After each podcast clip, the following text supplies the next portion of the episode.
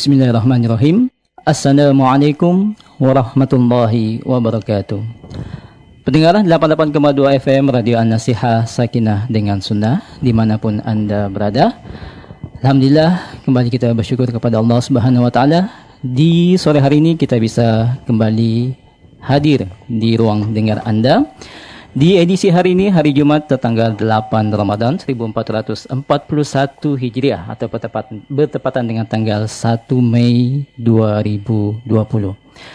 Sebagaimana biasa, kami kembali hadir di sore hari ini dengan acara konsultasi agama spesial Ramadan, live interaktif Rumahku Bersinar di bulan Ramadan. Oh ya pendengar, untuk Anda yang ingin melihat siaran ini secara live streaming, Anda bisa mengunjungi channel YouTube dan Facebook dengan akun Zulkarnain Muhammad Sunusi atau Radio An-Nasiha. Dan di konsultasi agama kita ini adalah acara live interaktif. Bagi Anda yang ingin berkonsultasi langsung dengan Al-Ustaz, nanti kami membuka kesempatan kepada Anda. Anda bisa menghubungi kami di 0811445882 atau anda yang ingin atau anda yang memiliki pertanyaan selama ini yang uh, mengganggu di pikiran anda, anda bisa menyiapkan pertanyaan anda dan anda bisa mengirimkan nanti ke 0811413636 0811413636 Anda bisa mengirimkan via SMS, WhatsApp ataupun Telegram. Baik pendengar yang insyaallah dirahmati oleh Allah Subhanahu wa taala, Waktu di studio sudah menunjukkan pukul 16 lewat 39 menit waktu Indonesia Tengah. Segera kita ikuti tausiah dari guru kita Al-Ustaz Zulkarnain bin Muhammad Sunusi di acara konsultasi agama spesial Ramadan kita sore hari ini. Rumahku bersinar di bulan Ramadan. Tafadhal Ustaz. Bismillahirrahmanirrahim. Alhamdulillahirabbil alamin. Wassalatu wassalamu ala al-mab'uts rahmatan lil alamin. نبينا محمد وعلى آله وصحبه ومن تبعهم بإحسان إلى يوم الدين أما بعد kaum muslimin dan muslimat, para pendengar di mana pun Anda berada, Assalamualaikum warahmatullahi wabarakatuh. Di hari ini, hari Jumat yang kedua untuk kita semua di bulan Ramadan ini, semoga Allah subhanahu wa ta'ala selalu melipat gandakan pahala untuk kita semua pada setiap amalan salih yang dilakukan di bulan Ramadan ini dan menerima segala uh, amalia Ramadan kita dan semoga Allah Subhanahu wa taala melindungi kita semua dari segala kejelekan dan selalu menambah kita taufik, hidayah dan rahmatnya. Innahu waliyu dzalika wal qadir Uh, ayat yang merupakan kajian kita di hari yang ke-8 ini adalah firman Allah Subhanahu wa taala di akhir surah yang agung. Surah yang sering dibaca oleh Rasulullah sallallahu alaihi wasallam di berbagai keadaan dan mana-mana yang terkandung di dalam surah ini banyak ditegaskan oleh Nabi sallallahu alaihi wasallam di khutbah Jumat beliau sampai sebagian sahabat menghafal surah ini dari mulut Nabi Wasallam di atas mimbar. Ini adalah ayat yang terakhir di surah Qaf. Ayat yang ke-45. Itu firman Allah Subhanahu wa taala, "Fadzakir bil Qur'ani may yakhafu wa'id." Beri peringatan dengan Al-Qur'an siapa yang takut kepada ancamanku. Awal surah Qaf wal Qur'anil Majid. Qaf dari Al-Quran yang agung, yang luas, yang lapang. Penjelasan tentang keagungan Al-Quran. Dan di akhirnya diingatkan bahwa peringatan dengan Al-Quran ini bagi siapa yang memiliki rasa takut. Karena itu dari ibadah yang agung yang Allah Subhanahu wa taala syariatkan dan dijadikan sebagai ibadah yang besar adalah rasa takut kepada Allah Subhanahu wa taala. Bahkan dijadikan sebagai syarat keimanan. Fala takhafuhum wa khafuni in kuntum mu'minin. Janganlah kalian takut kepada mereka, tapi takutlah kalian kepadaku. Kalau memang benar kalian itu beriman. Itu adalah syarat mereka yang ingin dijayakan oleh Allah di atas muka bumi. Al-arda min ba'dihim dalika liman khafa maqami wa khafa wa'id. Dan sungguh kami akan membuat kalian berkuasa tinggal di atas muka bumi setelah orang-orang yang mendustakan Rasul itu diminasakan. itu balasan bagi siapa yang takut kepada kedudukanku dan takut terhadap siksaanku. Dan rasa takut ini pula yang menyebabkan seorang dilipat gandakan pahala dan diberi pengampunan oleh Allah Subhanahu wa taala. Innal ladzina yakhshawna rabbahum bil ghaibi lahum maghfiratun wa ajrun kabir. Sungguhnya orang-orang yang takut kepada Rabbnya bil ghaib tidak yang melihatnya, tapi dia takut kepada Allah atau dia tidak melihat Allah, tidak melihat Rasul, tapi tetap dia beriman kepada Allah, takut kepada Allah, maka untuknya pahala yang besar, untuknya pengampunan dan pahala yang besar. Dan Allah Subhanahu wa taala berfirman, "Waliman khafa maqama rabbih jannatan." Bagi siapa yang takut kepada kedudukan Rabbnya, maka dia akan mendapatkan dua sorga. Ya, jenjang yang paling tinggi. Nah di surah Rahman itu disebut dua sorga yang paling tinggi, kemudian dua sorga lagi di bawahnya. Dua sorga yang paling tinggi itulah yang dikatakan waliman khafa maqama rabbihi jannatan. Bagi siapa yang takut kepada kedudukan Robnya, maka dia akan mendapatkan dua sorga. Dan banyak lagi ayat-ayat yang menunjukkan besarnya keutamaan dari rasa takut ini, manfaat dan kebaikannya. Nah, Al-Quranul Karim itu adalah sebab yang menyebabkan seseorang itu takut kepada Allah. Dari uraian-uraiannya, kandungan-kandungannya, itu dasar pokok yang hendaknya diperhatikan dari Al-Quran. وكذلك أنزلناه قرآنا wa وصرفنا فيه من الوعيد لعلهم يتقون au yuhditsu lahum dzikra.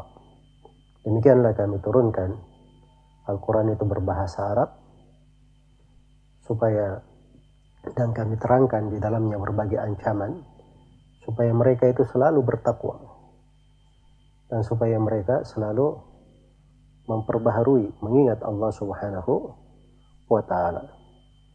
Maka itu adalah akhlak yang sangat agung dan ibadah yang sangat besar.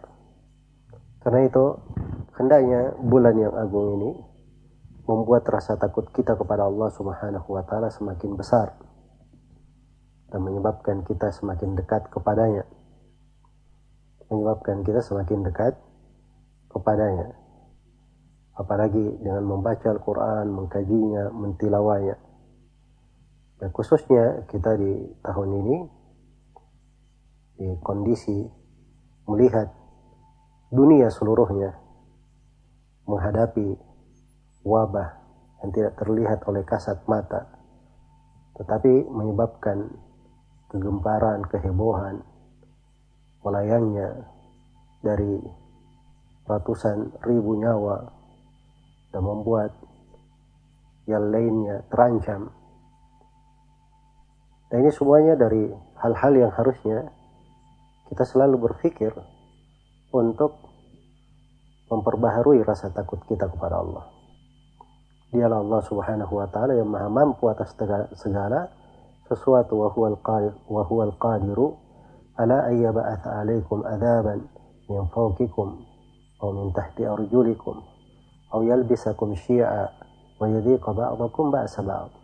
Dialah Allah yang Maha mampu, kul huwal qadir dialah yang maha mampu untuk menurunkan adab kepada kalian dari atas kepala kalian dari bawah kaki kalian dan menjadikan sebagian dari kalian menjadikan sebagian dari kalian membahayakan atau mencelakakan sebagian yang lainnya atau sebagian dari kalian merasakan dari siksaan sebagian yang lainnya saling berbunuhan peperangan dia yang maha mampu untuk melakukan hal tersebut.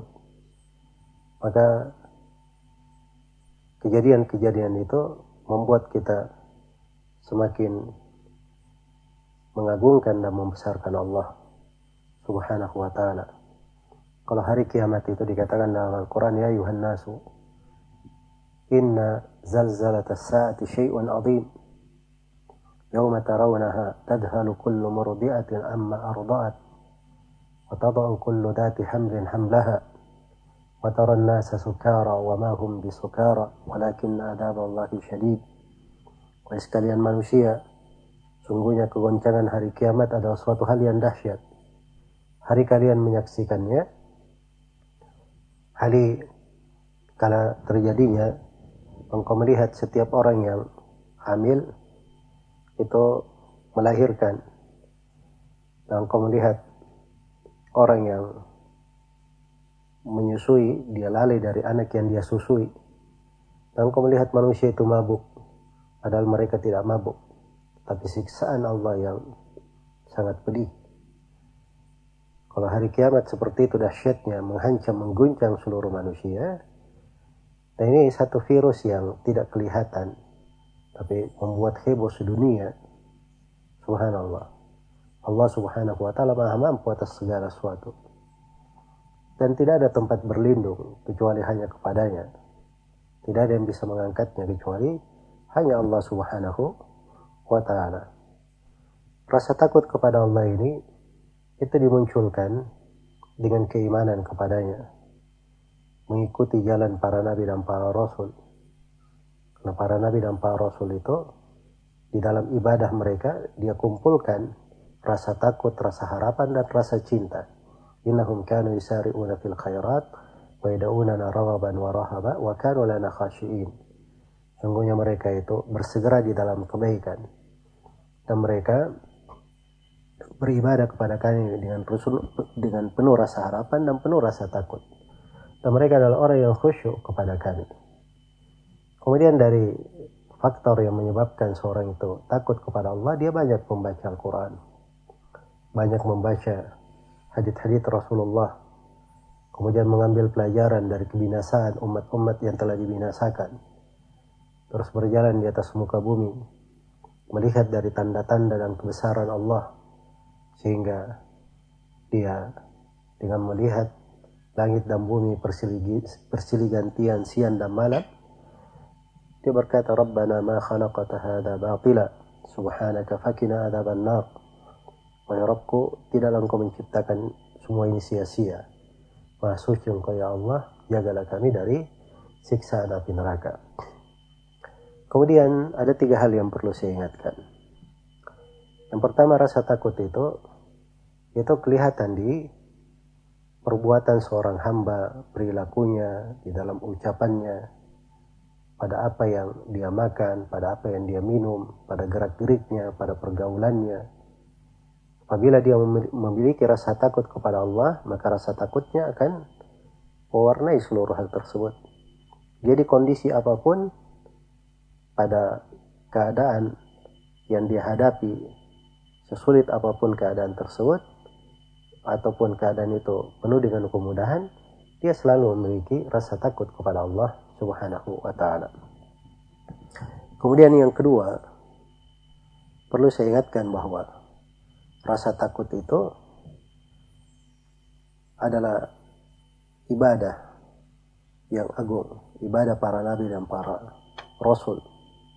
Ibadahnya orang-orang yang salih, tatajafa junubuhum anil madaji yad'una rabbahum khawfa wa tama'a mereka beribadah berdoa kepada Rabbnya penuh rasa harapan dan penuh rasa takut. Wadu'u rabbakum tadarru'a wa khufya. Wadu'uhu khawfan. Wadu'uhu khawfan wa tama'a. Berdoalah kalian kepadanya dengan penuh rasa takut dan penuh rasa harapan. Dan di berbagai ayat Allah Subhanahu wa taala kumpulkan dua sifat untuk dirinya. Nabi ibadi anni anal ghafurur rahim wa anna adabi huwal adabul alim. Beri berita kepada hamba-hambaku bahwa aku ini maha pengampun lagi maha penyayang tetapi siksaanku siksaan yang maha pedih. Iya. I'lamu anna Allah syadidul iqabi wa anna Allah ghafurur rahim.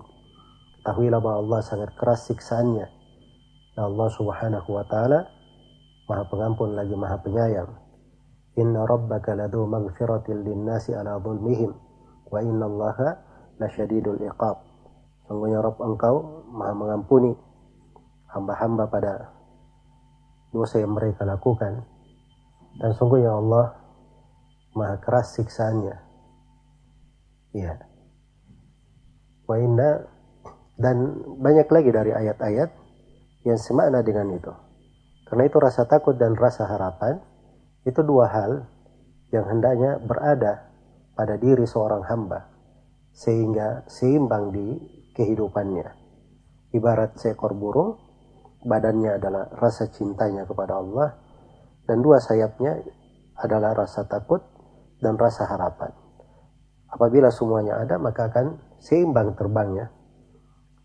Kemudian yang ketiga, yang perlu diketahui bahwa rasa takut itu, rasa takut yang benar, itu adalah rasa takut yang membuat dia semakin cinta kepada Allah semakin berlari kepadanya dan semakin beramal dengan ketaatan.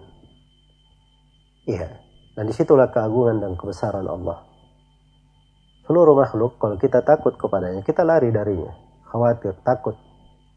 Berbeda dengan takut kepada Allah. Seorang itu kalau dia takut kepada Allah, maka dia akan semakin berlari kepada Allah. Akan semakin berlindung kepadanya maka apabila dia benar di dalam hal ini, itulah rasa takut yang benar. Tapi kalau dia mengatakan dirinya punya rasa takut kepada Allah, tetapi dia jatuh di dalam hal-hal yang menyelisihi syariat, justru berputus asa dari rahmat Allah, maka ini bukan rasa takut yang benar. Semoga Allah Subhanahu wa taala melipat gandakan pahala dan kebaikan untuk kita semua dan menghiasi hati kita dengan rasa takut kepadanya menjadikan kita semua sebagai ahlu khasyati orang-orang yang takut kepadanya orang-orang yang dikatakan di dalam Al-Quran untuk mereka jannatu adinin tajri min tahti jazauhum inda rabbihim jannatu adinin tajri min tahti al-anharu khalidina fiha abada radiyallahu anhum wa radu anhu dalika liman khasyiya rabbah balasan untuk mereka adalah sorga-sorga Aden yang mengalir di bawahnya sungai-sungai. Mereka kekal di dalamnya selama-lamanya. Allah ridha kepada mereka dan mereka ridha kepada Allah. Itulah balasan bagi siapa yang takut kepada Rabbnya. Semoga Allah subhanahu wa ta'ala menjadikan akhlak ini sebagai pembawaan kita. Hal yang menghiasi kehidupan kita. Dan sebagai kawan kita di mana pun kita berada. Dan semoga Allah subhanahu wa ta'ala menjaga kita semua dari segala kejelekan, melindungi kita dari siksaannya. Innahu waliyu dzalika wal qadiru alaih wallahu taala alam. Baik, amin ya rabbal alamin. Pendengar 88,2 FM Radio An-Nasiha Sakinah dengan Sunnah. Demikian tadi telah kita dengarkan tausiah dari guru kita Ustaz Zulkarnain Hafizahullah Ta'ala di konsultasi agama kita hari ini di hari Jumat tanggal 8 Ramadan 1441 Hijriah. Baik, sekarang saatnya kami mengajak Anda untuk berpartisipasi di konsultasi agama kita sore hari ini. Silahkan Anda yang ingin bertanya langsung, Anda bisa menghubungi kami di 0811 Atau Anda bisa mengirimkan pertanyaan Anda via SMS, WhatsApp, ataupun Telegram ke 081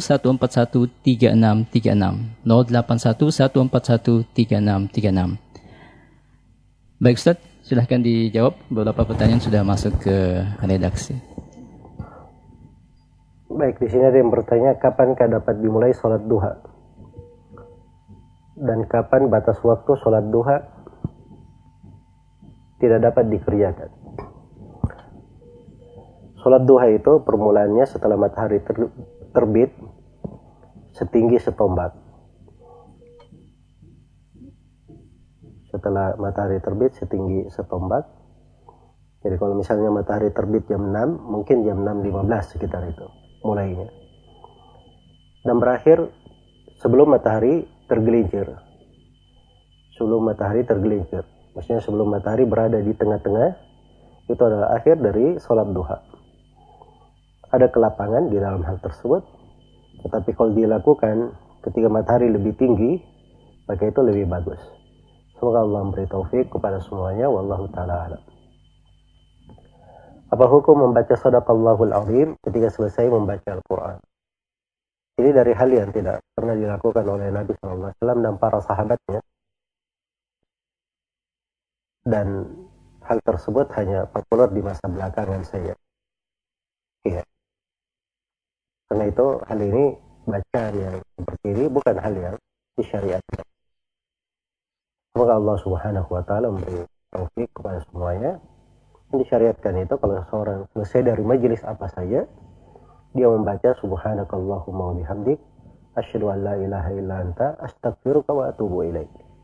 Dan itu doa kafaratul majelis namanya untuk menutup setiap majelis yang kita duduk di dalamnya. Semoga Allah memberi taufik kepada semuanya. Apakah keputihan termasuk najis? Kalau hukumnya najis, bagaimana cara seorang yang sering mengalami hal tersebut? Apakah dia harus membersihkannya setiap ingin melakukan sholat? Atau cukup dengan beruduk saja? Nah, keputihan itu tidak ada hukumnya ya. Dan dia bukan najis. Keputihan juga bukan najis. Karena itu kalau keluar hal tersebut dari seorang perempuan, maka itu tidak membahayakannya. Semoga Allah Subhanahu wa taala memberi taufik kepada semuanya wallahu taala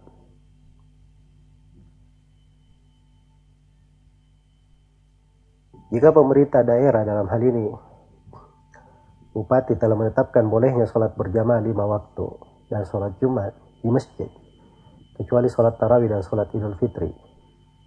Apakah kita wajib taat dan mengikuti keputusan pemerintah pusat yang melarang sholat Jumat dan sholat lima waktu serum dengan adanya wabah COVID-19 karena di daerah kami, di kabupaten kami belum termasuk zona merah ya sekarang penyebaran virus itu nggak ada yang bisa memprediksi ya zona merah maupun yang lainnya. Kalau hanya ada perhitungan zona ini dan zona tersebut itu perkiraan-perkiraan. Iya perkiraan-perkiraan. Dan adanya berbagai kasus dari orang-orang yang tidak pernah menyangka di situ ada virus ini ternyata masuk dan menimpa manusia dari sebab perkumpulan di suatu tempat apakah di tempat ibadah maupun yang lainnya maka harusnya ini berjalan di atas kaidah umum di dalam syariat yang disebut dengan nama saddud dari'ah menutup segala pintu yang bisa menjatuhkan ke dalam bahaya Iya.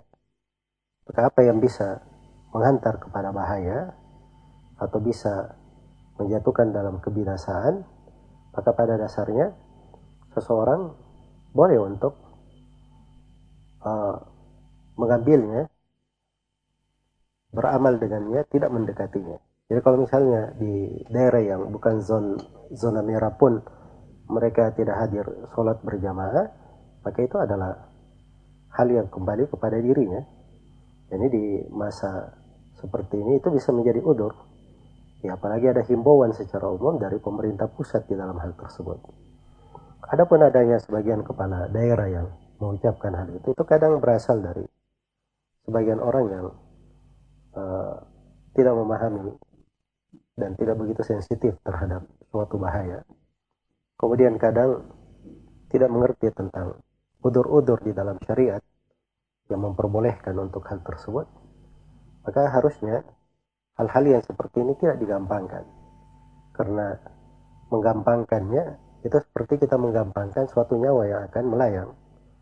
Itu adalah hal yang tidak diperbolehkan.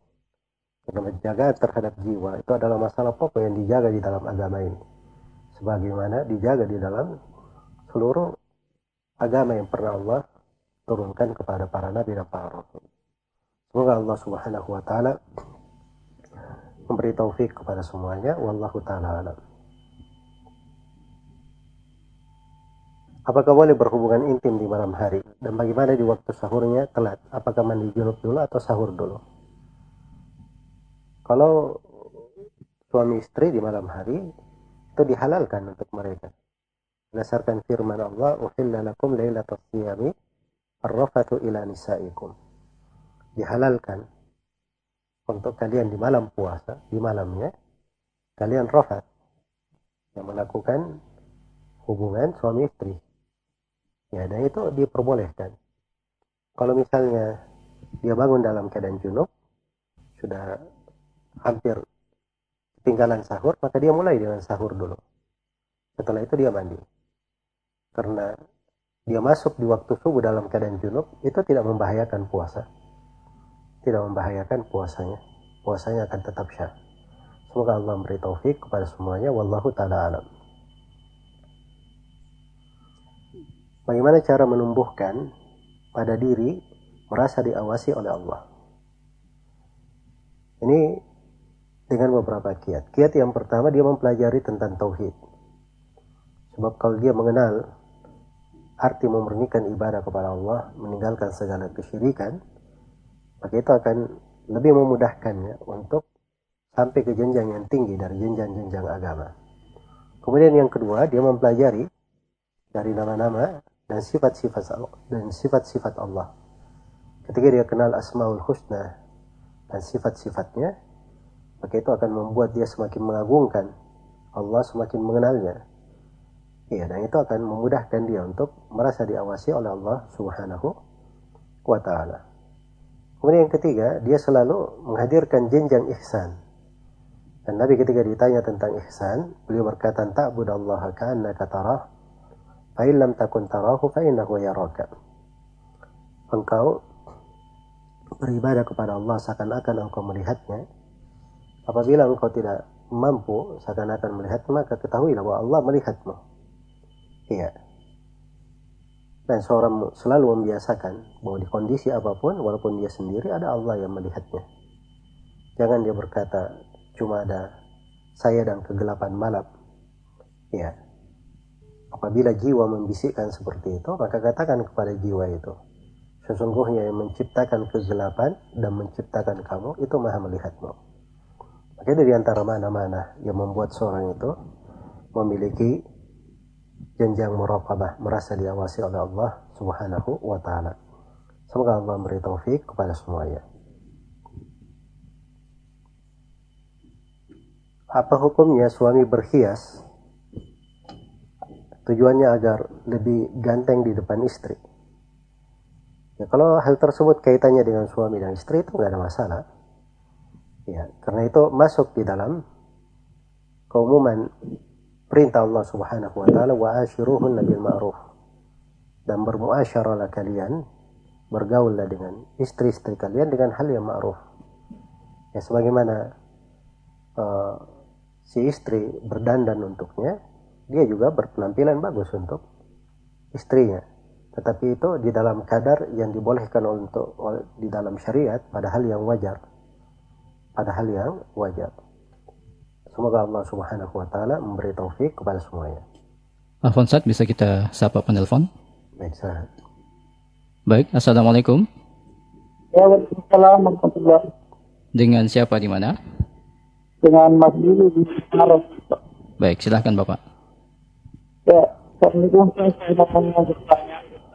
Ya, Apa hukumnya membaca Al-Quran tanpa bermodi dulu dan hanya menggunakan celana pendek di rumah Ustaz? Demikian hanya saya Ustaz.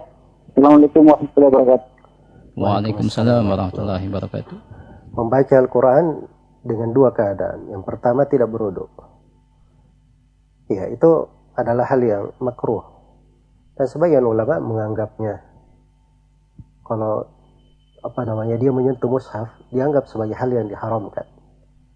Tapi kalau dia membaca dari hafalannya, maka itu boleh saja, tidak ada masalah. Tetapi kalau dia baca dengan berudu, maka itu lebih baik.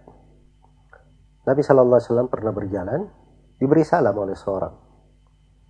Maka beliau tidak menjawabnya. Setelah berwudu beliau baru menjawab Waalaikumsalam. Dan beliau berkata ini karihtu an adkurallaha wa ana ala ghairi tahara. Saya tidak senang menyebut nama Allah dan saya dalam keadaan tidak bersuci. Maka kalau dia uh, dalam keadaan bersuci membaca Al-Quran, itu lebih baik. Dan itu lebih afdal. Iya, ada pun memegang mushaf sejak uh, semampu mungkin dia hindari memegang mushaf dalam keadaan dia tidak bersuci.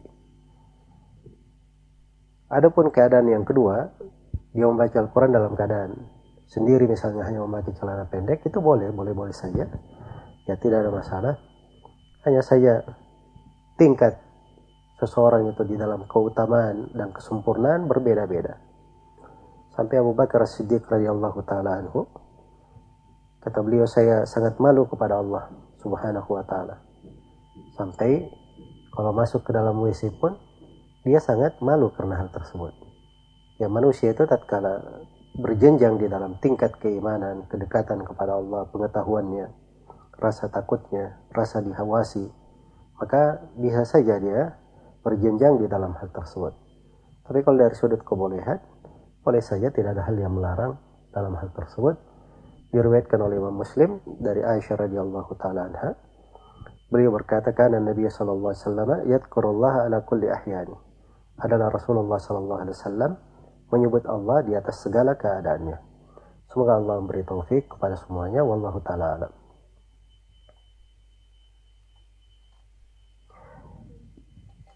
Baik di sini ada pertanyaan apakah ada dalil yang menegaskan bahwa mandi junub itu mandi junub itu syah dengan niat dan meratakan air di seluruh tubuh.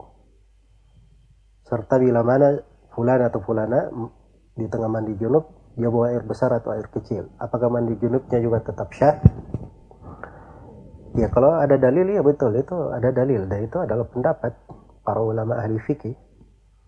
Jadi dalam hal tersebut dan saya tidak tahu ada silam pendapatnya dalam hal itu sepanjang yang saya ketahui. Karena dalilnya jelas di dalam Sahih Muslim dari hadits Ummu Salama Nabi Shallallahu Alaihi Wasallam berkata kepadanya, Inna makana yakfiki an tahti ala ra'siki thalatha hatayat fatatuhurin. Sesungguhnya cukup bagi kamu wahai Ummu Salamah ketika mandi janabah kamu tuangkan air di atas kepalamu tiga tuangan. Thumma tafidhini ahlikil ma, kemudian kamu tuangkan air di seluruh badanmu, fatatuhurin, maka kamu akan suci dengannya. Maka itu cukup. Ya kalau dia sudah basuh seperti itu, kemudian diselangi, diselingi misalnya dengan dia buang air, maka itu tidak membahayakan mandinya sudah syah hanya saja terkait dengan wudhunya saja kalau dia tutup dengan mandi tidak ada dia membuang hajat sebelumnya maka mandinya tersebut sudah syah sebagai wudhu juga karena di dalam uh, Mustad Imam Ahmad dan Sunan An-Nasai dari Aisyah radhiyallahu anha Aisyah berkata karena Nabi sallallahu alaihi wasallam la ba'dal ghusl adalah Nabi sallallahu tidak berwudu setelah mandi. Nah ini kata para ulama kalau dia meniatkan dengannya wudu. Ya, karena niat itu diambil dari dalil lain. Rasulullah SAW bersabda, "Innamal a'malu binniyat wa innamal likulli imrin ma nawa." Setiap amalan itu tergantung pada niatnya dan setiap orang mendapatkan sesuai dengan apa yang dia niatkan. Wallahu taala alam. Pak Ustaz, bisa kita angkat telepon selanjutnya? Baik. Baik. Assalamualaikum. Waalaikumsalam warahmatullahi wabarakatuh. Baik, dengan siapa di mana? Ya, anak uh, Mbak Allah di Jawa Timur. Baik, dengan Bapak di Jawa Timur. Silahkan pertanyaannya. Iya, uh, Assalamualaikum Ustaz. Waalaikumsalam warahmatullahi wabarakatuh. Iya, Ana mau tanya untuk sedikit uh, kronologisnya saja. Beberapa bulan yang lalu, uh, istilahnya ayah biologis saya meninggal dunia. Nah, sebelum meninggal, beliau menyampaikan bahwa posisi saya sudah berkeluarga dan punya anak. Nah, sebelum meninggal waktu sakit parah itu beliau menjelaskan bahwa dulu saya terlahir dari uh, zina.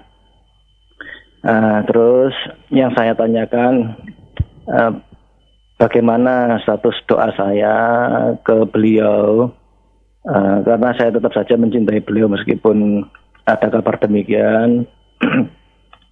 Uh, yang kedua, bagaimana seharusnya saya memanggil beliau secara syariat saat saya sedang bercakap-cakap dengan kawan dan sebagainya. Bolehkah saya menyebut beliau sebagai ayah saya? Dulu begini begitu dan lain-lain. Atau saya sebutkan uh, ayah biologi saya seperti itu kata-katanya. Yang nomor tiga, bagaimana dengan dokumen-dokumen administrasi kependudukan seperti paspor, akta lahir kakak dan sejenisnya apakah saya sebutkan nama saya bin ayah saya haruskah diganti? Baik. Halo? Ya, pertanyaannya sudah ya, bisa ya. ditangkap Pak, silahkan. Oke, nah yang terakhir nomor empat, warisan yang saya, kan akhirnya saya paham kalau saya tidak berhak karena satu saya anak zina. Nah, sempat saya sampaikan ke ibu dan adik-adik saya yang masih awam dengan sunnah atau manhaj salaf untuk tidak mengambil karena syariat. Tapi karena kesemuanya sayang terhadap saya, beliau-beliau meminta dibagi rata saja. Akhirnya sempat saya sampaikan bahwa kalau memang menginginkan demikian, niatkan memberi hadiah ke saya sebagai kakaknya. Berapapun nominalnya, yang penting ikhlas atau ridho, dan semua setuju. Bagaimana perihal ini seharusnya Ustaz? Benarkah ini Ustaz? Nah, kondisi untuk nomor satu sampai tiga tadi, saya sikapi diam untuk menyebut ayah biologis atau saya bin ayah saya. Karena saya takut saya mengatakan bahwa saya bin ibu saya. Berarti saya sama dengan mengatakan ibu saya berzina di orang lain. Bahwa setahu saya aib saya saja harus saya tutupi. Bagaimana dengan aib ibu saya? Nah, apakah langkah saya seperti ini juga benar Ustaz Baik, Bapak, pertanyaan uh, sudah bisa dipahami. Oke, saja. Ya. Oke, itu saja. Ya, terima ya. kasih. Terima kasih. Jazakallah khair. Assalamualaikum warahmatullahi Waalaikumsalam warahmatullahi wabarakatuh. Baik, jadi yang pertama terkait dengan seorang yang berzina dengan seorang perempuan, kemudian perempuan ini hamil, dan yang menzinainya ini menikahinya. Apakah hal tersebut syah atau tidak? Itu ada dua pendapat di tengah para ulama. Iya. Dan dalam kasus yang seperti ini, itu dilihat pada hukum di pengadilan di Indonesia ini, apa yang diputuskan, apa yang difatwakan oleh KUA. Kita di madhab Indonesia, madhab syafi'i. Umumnya di KUA itu mereka menganggap itu adalah syah. Dan sepanjang ada hukum dari KUA mengatakan itu adalah syah, maka dari sudut status dipanggil sebagai ayah ya dinisbatkan kepadanya kartu kelahiran dan KTP dan sebagainya itu tidak ada masalah. Hanya memang terkait dengan masalah warisan. Ini lebih spesifik dalam pembahasan. Ya dan di dalam masalah warisan sudah benar seperti yang dipahami beliau tidak mendapatkan warisan di dalam hal ini dan juga sudah benar apa yang beliau utarakan kalau misalnya ahli waris yang lain bersepakat memberi untuknya, maka itu adalah bentuk hadiah dari mereka. Bentuk hadiah dari mereka dan apa yang mereka sepakati itu tidak dipermasalahkan. Semoga Allah Subhanahu wa taala memberi taufik kepada semuanya. Wallahu taala alam. Baik, kemudian di sini ada pertanyaan Bagaimana hukum di tengah pandemi ini orang melaksanakan sholat Jumat di rumah dengan makmum dari keluarganya di rumah? Apakah syah sholat Jumat? Nah, sholat Jumat itu tempatnya di masjid ya. Jadi kalau sekarang karena uh, pandemi ini tidak sholat di masjid, tidak sholat Jumat di masjid, maka di rumah sholatnya sholat duhur. Di rumah sholatnya sholat duhur bukan sholat Jumat. Ya, karena Nabi Shallallahu Alaihi Wasallam beliau melakukan perjalanan di hari Jumat. Tidak diukil beliau sholat Jumat dan para sahabat di kondisi udur perjalanan. Ya tapi yang ada beliau melakukan sholat duhur walaupun di kosar ya kalau perjalanan. Kalau di rumah ada udur bagaimana perempuan kalau dia tidak ke tidak menghadiri Jumat maka di rumah mereka sholat duhur. Maka itu yang berjalan di tengah mayoritas ulama. Semoga Allah memberi taufik kepada semuanya Wallahu ta'ala alam. Apakah berdosa jika seorang anak jarang melakukan ziarah ke kuburan orang tuanya? Mohon dijelaskan hukum berziarah ke kuburan. Di dalam Sahih Muslim dari hadits Buraidah, Rasulullah Shallallahu Alaihi Wasallam bersabda, "Kuntu nahitukum an ziyaratil kubur, fazuruha, fa innaha tudakkirukumul akhirah." Saya dulu pernah melarang kalian dari berziarah ke kuburan, maka sekarang berziarahlah kalian ke kuburan. Karena ziarah ke kuburan itu mengingatkan kepada hari akhirat. Jadi kalau dia ziarah ke kuburan dengan maksud mengingat hari akhirat, maka itu tidak ada masalah. Sebagaimana kalau dia ziarah ke kuburan untuk mendoakan orang-orang yang dikubur, begitu memasuk kuburan dia membaca untuk semua orang di sana. Assalamualaikum ya ahlat diyar minal mu'minina wal mu'minat wa inna insyaallahu bikum lahikun nas'alullah lana wa afiyah. Nah, itu kan mendoakan untuk mereka. Dan Nabi SAW pernah datang ke kubur berziarah dengan maksud mengingat akhirat dan pada saat itu beliau doakan dari sebagian orang. Jadi kalau dasarnya dia ke sana mengingat akhirat, begitu sudah di sana, dia misalnya di situ ada kuburan orang tuanya, dia doakan sekalian, itu tidak ada masalah. Iya. Tapi kalau dia datang khusus ke kuburan untuk mendoakan orang tuanya, itu tidak lebih afdal daripada dia berada di rumahnya. Dia berada di dalam sholatnya, di dalam sujudnya mendoakan orang tuanya. Atau kita di hari Jumat seperti ini, ini waktu mustajabah berdoa. Kita doakan orang tua kita. Iya, apalagi setelah asar sampai maghrib ini, itu lebih diharapkan dikabulkan. Antara adan dan komat, di sepertiga malam terakhir, di sholat malam. Nah, itu harusnya doa orang tua lebih perlu kepada itu. Untuk didoakan di segala keadaan. Melebihi dia dikunjungi kuburannya. Iya. Karena itu, kadang uh, sebagian dari kaum muslimin uh, cara di dalam menilai kemanfaatan untuk orang tuanya ada hal yang perlu dirapikan. Ya, dia mereka melakukan hal-hal yang kadang kurang afdal, dia tinggalkan hal yang lebih afdal dan lebih banyak kemanfaatannya. Semoga Allah Subhanahu wa taala memberi taufik kepada semuanya wallahu taala alam. Baik, Ustaz, bisa kita jawab lagi penelpon? Baik. Halo. Ya, Assalamualaikum. Halo. Waalaikumsalam. Ya, dengan siapa di mana? Hamba Allah di Makassar. Ya, silahkan Ibu pertanyaannya. Uh, Ustaz uh, mau bertanya bagaimana uh, hukumnya memberikan sedekah dengan keluarga yang masih biasa melakukan tradisi yang tidak sesuai syariat, misalnya seperti baca-baca atau barasanji. Uh, yang kedua, uh, mengenai zakat apa ada yang namanya zakat profesi yang ga, yang berkaitan dengan gaji per bulan. Baik. Ya. Baik, itu saja Ibu. Ya, sudah tidak Ustaz. Baik, terima kasih. Iya, jazakallah khair Ustaz. Jadi ada dua pertanyaan. Yang pertama, terkait dengan bersedekah dengan sebagian orang yang masih terlihat pelanggaran-pelanggaran syariat. Ya bersedekah itu terhadap orang kafir pun dibolehkan kita bersedekah. Apalagi terhadap seorang muslim misalnya, atau seorang misalnya yang beratnya dikatakan dia jatuh di dalam kesyirikan. Kalau memang di dalam sedekah tersebut ada suatu hal yang uh, maslahat dari sudut syar'i, misalnya menyelamatkan jiwanya atau membuat dia lembut hatinya, gampang untuk didakwai, atau misalnya keluarga paling tidak membuat dia ada kedekatan hati. Jadi kapan-kapan kalau dibicarai mau dia dengar maka dalam kondisi itu nggak ada masalah.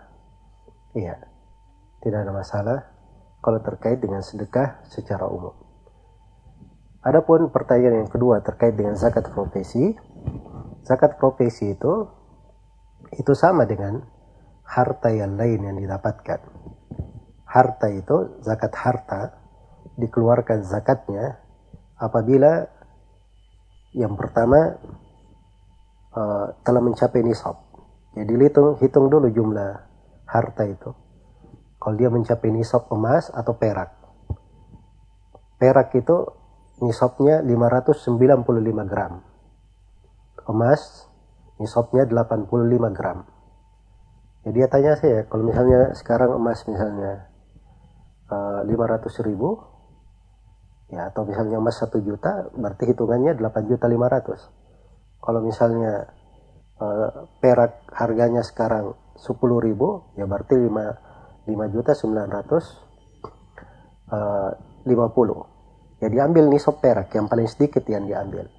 Jadi kalau misalnya harga emas lebih murah misalnya emas cuma 4 juta sekian dan perak 5 jutaan yang diambil nisab emas. Itu yang pertama disyaratkan harus sampai ke nisab kemudian yang kedua disyaratkan harta tersebut telah dia pegang selama setahun.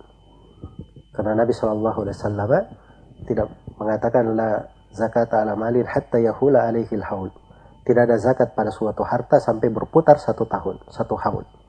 Kemudian yang ketiga disyaratkan harta itu masuk di dalam kepemilikan tetapnya. Masuk di dalam kepemilikan tetapnya. Profesi itu kan macam-macam. Ada profesi yang dia diberi gaji tetap ada profesi yang sifatnya gajinya itu belum tetap. Misalnya jasa atau sewa. Ada orang yang misalnya sudah dikasih dari depan uh, 10 juta untuk dia menyelesaikan sebuah uh, ruangan. Ya. Maka ini gaji namanya 10 juta ini. 10 juta ini belum masuk di harta tetapnya. Kapan misalnya ruangannya tidak dia selesaikan dia harus kembalikan 10 juta itu. Tapi kalau ruangan sudah diselesaikan, maka 10 juta ini sudah masuk ke dalam harta tetapnya. Nah, baru dihitung di dalam syarat zakat. Adapun sebagian orang yang mengatakan tiap kali kita terima gaji, dikeluarkan zakatnya, dikiaskan seperti hasil bumi, dikeluarkan setiap kali panen, nah, ini tidak benar ya. Beda antara hal tersebut dengan hasil bumi. Terus yang anehnya lagi, ya kok dikeluarkan 2,5 persen? 2,5 persen itu untuk zakat harta. Kalau hasil bumi itu dikeluarkan 5 persen atau 10 persen atau kalau seimbang antara pengairan atau tidak biaya atau tidak dikeluarkan 7,5 persen. Iya maka harus dipahami penggunaan fikih di dalam zakat dengan benar ya ini kalau kita berbicara dengan mana kewajiban jangan sampai kita mewajibkan sesuatu pada orang hal yang Allah dan Rasulnya tidak mewajibkannya tapi secara umum kalau seorang bersedekah, berbuat baik, itu adalah hal yang baik. Semoga Allah memberi taufik kepada semuanya. Wallahu ta'ala alam.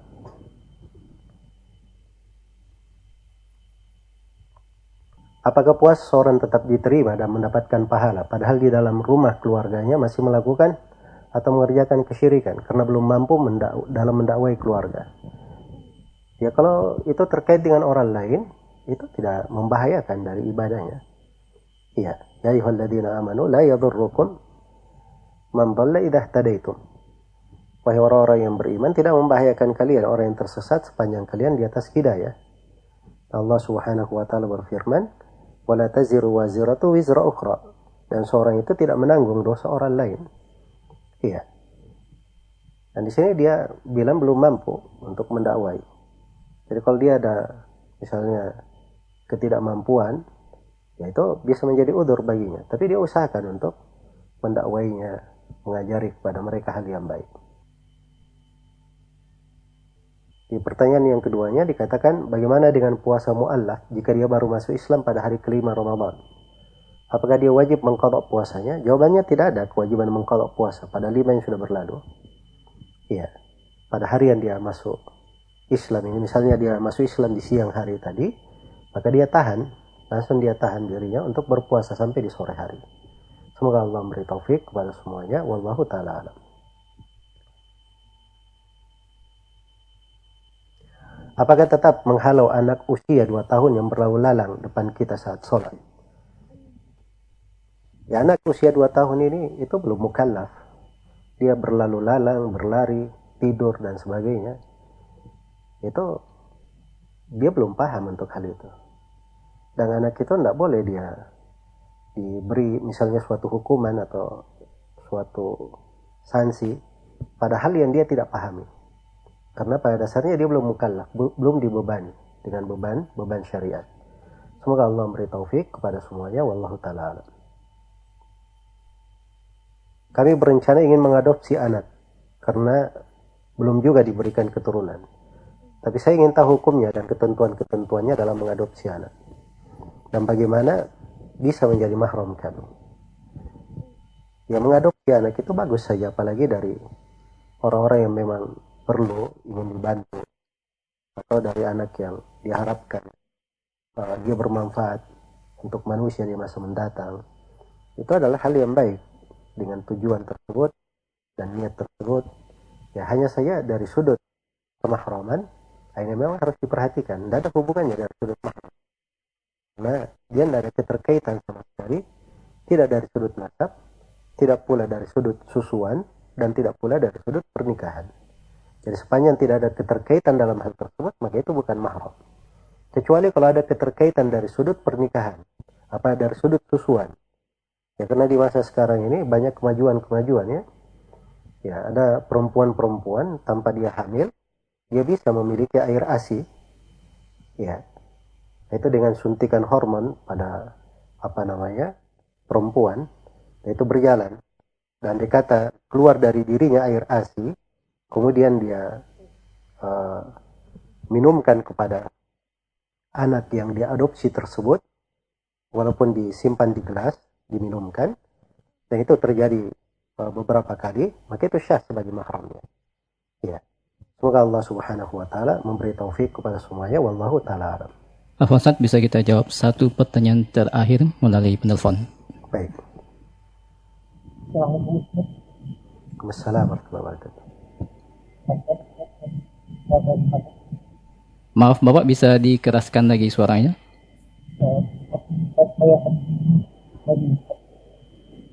Halo? Ya, saya Maaf suara Bapak terputus-putus ya, kurang jelas di kami bisa menghubungi kami kembali. Baik Ustaz, mungkin bisa jawab satu pertanyaan terakhir lewat WhatsApp. Baik, di sini ada yang bertanya bagaimana maksud niat tempatnya di dalam hati. Apakah jika malam hari terlintas dalam niat saya ingin berpuasa besok, itu sudah termasuk niat? Ya jawabannya itu sudah niat ya. Dan niat itu kadang dia sudah hadir pada dirinya, tidak perlu dihadirkan. Iya. Tidak perlu dihadirkan. Misalnya dia pergi sholat. Hah? Terdengar adan. Langsung ke kamar mandi. Dia pergi berudu. Kemudian dia sholat. Ya. Jangan dia berkata lagi, oh tadi saya sudah niat atau belum. Ya. Itu enggak, enggak masuk akal ada orang yang waras, sadar, kemudian dia pergi wudhu, pergi sholat, tidak ada niat Ya, karena itu pernah ada yang bertanya kepada salah seorang uh, ulama, kalau saya nggak salah, Ibnu Akil Al-Hambali rahimahullah. Ada orang yang sudah dia beruduk di apa namanya? Di sungai sudah lengkap wudhunya. Kemudian dia tanya lagi apakah uh, syah uh, apakah sholat syah? Ya kata Syekh, kamu tidak syah sholatnya karena kamu ini tidak waras. Memang tidak waras. Ya, andai kata kamu waras, kamu tidak pertanyakan masalah wudhu itu tadi. Ya, jadi itu uh, candaan dari beliau yang menunjukkan bahwa hal-hal yang kadang itu sudah melekat pada seseorang. Ya sama dengan sebagian orang ya sudah makan sahur masih membaca lagi nawa itu anak dan ya tidak baca niat. Nah, itu tidak benar itu menyusahkan.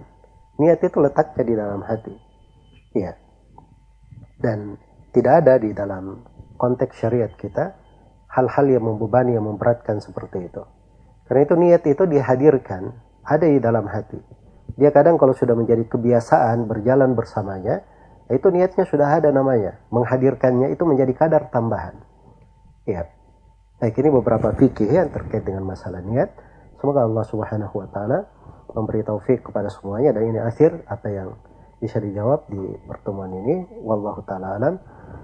Wassallallahu ala nabiyina Muhammad wa ala alihi wa sahbihi wa sallama tasliman katsira. Walhamdulillahi rabbil alamin.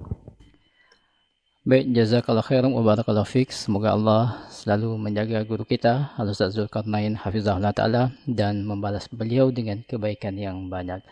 Alhamdulillah pendengar 88,2 FM Radio An-Nasiha Sakinah dengan Sunnah dimanapun Anda berada. Demikianlah telah kita ikuti rangkaian program interaktif konsultasi agama spesial Ramadan di hari ini di hari Jumat tertanggal 8 Ramadan 1441 Hijriah atau bertepatan dengan tanggal 1 Mei 2020. Dan kami tak lupa memohon maaf terhadap beberapa penelpon yang tadi sudah masuk namun tidak bisa dijawab dan juga pertanyaan-pertanyaan yang sudah masuk ke redaksi kami dan belum sempat dijawab di konsultasi hari ini. Silahkan Anda bisa mengirim, mengirim ulang pertanyaan Anda. Insya Allah akan dijawab kembali di konsultasi agama kami besok di jam yang sama pada pukul 16.30 hingga 17.30 waktu Indonesia Tengah. Demikianlah konsultasi agama di sore hari ini. Rumahku bersinar di bulan Ramadan. Subhanakallahumma wa bihamdik. Ashhadu an la ilaha illa anta astaghfiruka wa atubu ilaik. Wassalamualaikum warahmatullahi wabarakatuh.